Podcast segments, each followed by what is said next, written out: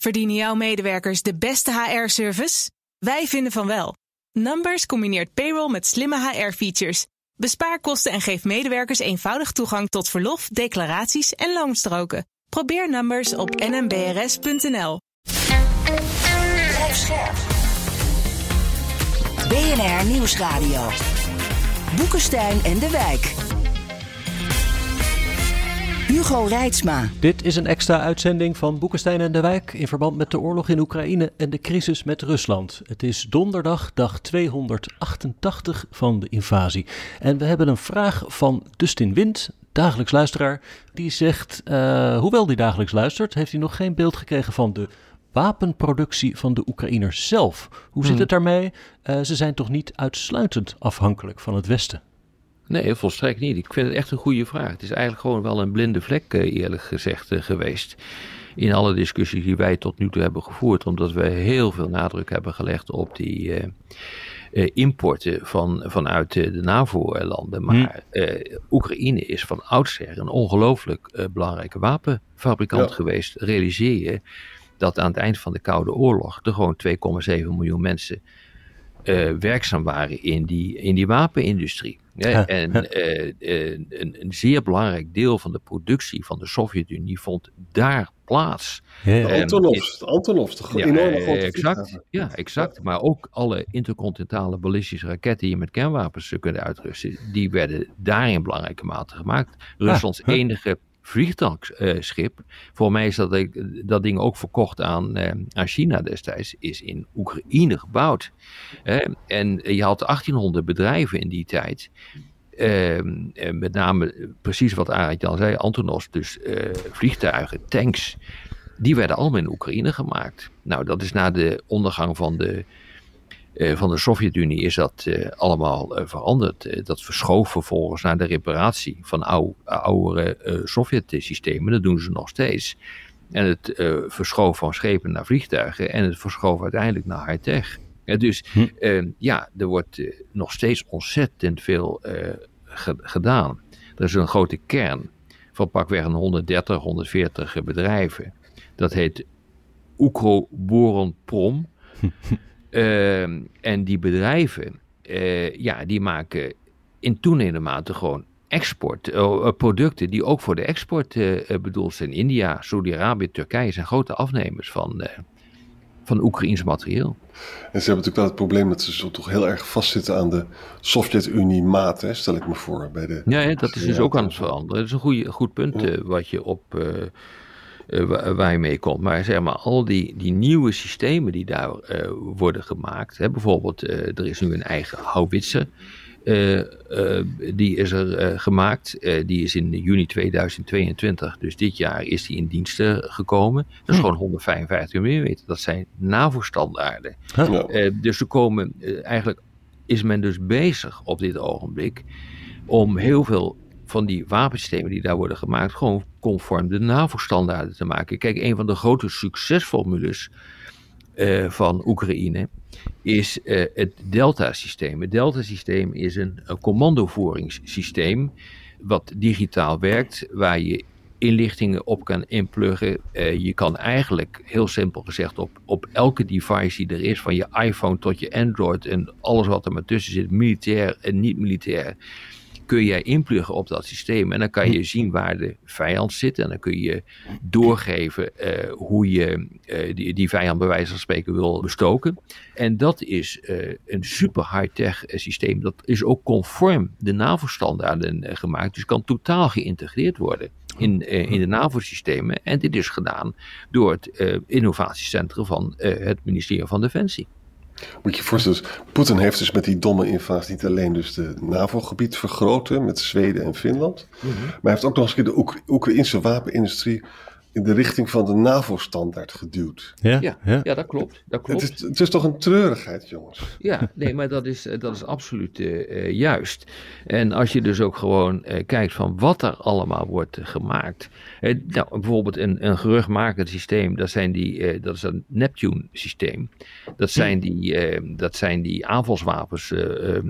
Antischeepsraketten. Voor, voor, voor, tegen schepen. Daar is die, die Moskwa op 13 april tot, mee tot zinken gebracht. Maar dat was een Oekraïns systeem. Maar ze maken ook hun eigen anti-raket systemen. Dus Tugna, of hoe je het ook uitspreekt. Ze maken hun eigen meervoudige raketwerpers. We hebben het dan over die HIMARS. Maar die maken ze zelf ook. Er gaan 12 raketten in, 130 kilometer. Maar die maken ze zelf ook. En ze maken hun eigen, nou ja, wat ik net zei, hun eigen howitzer. Uh, ze hebben een variant gemaakt op uh, de T-84 tank. Dat is een oude Sovjet tank. Die heet de Oplot. En die wordt ook geëxporteerd volgens mij ook naar Thailand. En die wordt ook ingezet. Dus uh, ze doen een hele hoop hoor. Ja. Overigens, dat Oekroprom, uh, wat jij noemt, ja. die kwamen dus juist... Uh, Oekraïne ziet heel, heel erg goed, ja. maar, die, maar die kwamen dus juist, er, wat was het, eerder deze week... met de mededeling dat ze werkten aan een eigen drone... met een uh, ja. bereik van 1000 kilometer en een lading van 75 kilo. Ja, klopt. En ze hebben ook drones. De Furia is er, is er zo een, alleen die heeft geen uh, bereik van 1000 kilometer volgens mij. Nee, dat is een verkenningsdrone.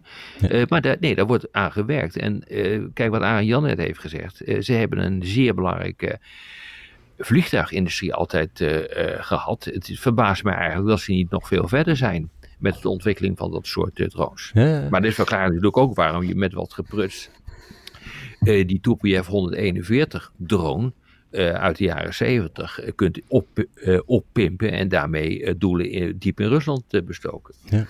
Ik weet die Antonos nog goed, want we hadden dus in, de, Europa heel weinig enorme grote transportvliegtuigen. Was een enorm tekort aan. Hè? Hm. Airlift noem je dat, geloof ik. En, en dan, dat leidde ertoe dat, dat, dat dan vaak maar Antonovs gingen huren voor veel geld. Ja, klopt.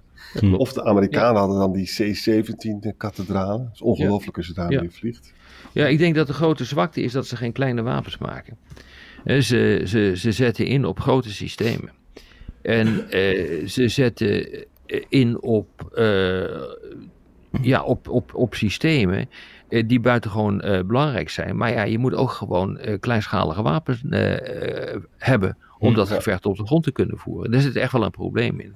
En het is ook wel heel erg interessant. Kijk, en dat weet ik dus niet. Dus die houwetsen die net in dienst is genomen, die ehm, werkt met 155 mm granaten.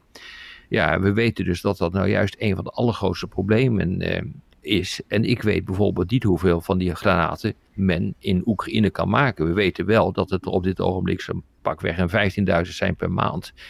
In, ehm, die in Amerika worden gemaakt. Dat aantal wordt opgeschroefd naar 40 tot 50.000 de komende jaren. Eh, maar dan nog, dan, is het, dan, dan loopt de fabricage daarvan nog achter aan de behoefte. Ja. He, want je verstookt, je, je, je, je, je schiet er 7000 per dag af, 6000 per dag misschien. Dus ja, ja dus, uh, wat de Amerikanen fabriceren is twee keer uh, in een maand, is, uh, is, is, is in twee dagen weer weg. En ik ben heel benieuwd of zij dus bijvoorbeeld zelf in staat zijn om heel veel van die artilleriestukken te maken. En ja. dus ook artilleriegranaten. En hetzelfde geldt voor Rusland. Hè. We hadden in het begin van de oorlog werd er ons, tegen ons gezegd van er zijn geweldige granaatvoorraden bij de Russen. En de laatste maanden lezen we stukken, ja, er zijn toch ook wel tekort aan, aan granaten. Ja, maar je moet echt miljoenen hebben, Arendt Jan. Ja. He, dus ja. reken maar uit. Ik bedoel, uh, we zijn bijna 300 dagen uh, bezig. Uh, de Russen die hebben daar pak weg zo'n 40.000 per dag doorheen gejaagd. Uh, nou, uh, ja, dan kom je gewoon op, op miljoenen. Hmm.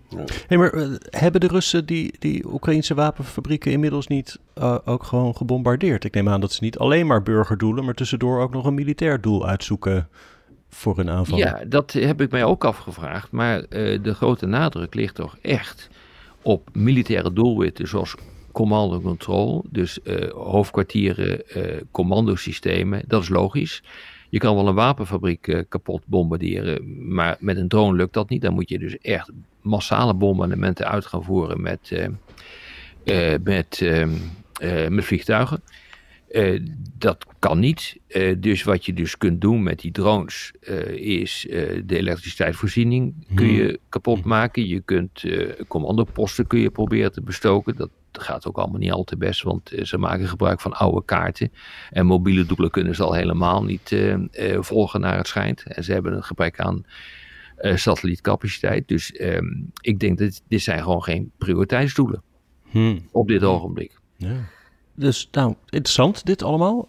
Maar ik, ik neem toch aan dat nog steeds wel klopt wat ik steeds lees: dat als de toevoer van westerse wapens stopt, dan houdt het op. Dan kan Oekraïne het niet zelf uh, af. Ja, dat klopt, want die, uh, die HIMARS, die meervoudige raketwerpers, ja, die zijn oneindig veel beter uh, dan de raketwerpers van Oekraïne. En bovendien, ehm, de Amerikanen, die zullen daar ongetwijfeld aan hebben gekoppeld dat ze ook inlichtingen geven van de doelen die ze moeten bestoken. En dat is voor Oekraïne echt een groot probleem.